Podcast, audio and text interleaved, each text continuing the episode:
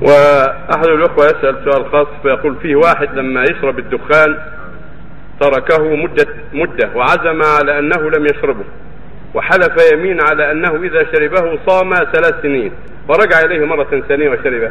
فما حكم صيام الثلاث سنين الذي ألزم نفسه بها؟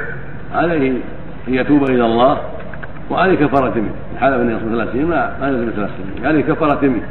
لأن الرسول نهى عن صيام الأبد. وعن الصيام المستمر بل بل يطعم عشرة مساكين أو يكسوهم ويكفي عن يمينه وعليه التوبة إلى الله وعدم الرجوع إلى الدخان. لأن مضاره كثيرة وهو خبيث محرم. فعليه التوبة إلى الله وعدم الرجوع إليه مع كفارة يمين عن حلفه إنه لا يشربه وإن شربه يصوم ثلاث سنين. نعم.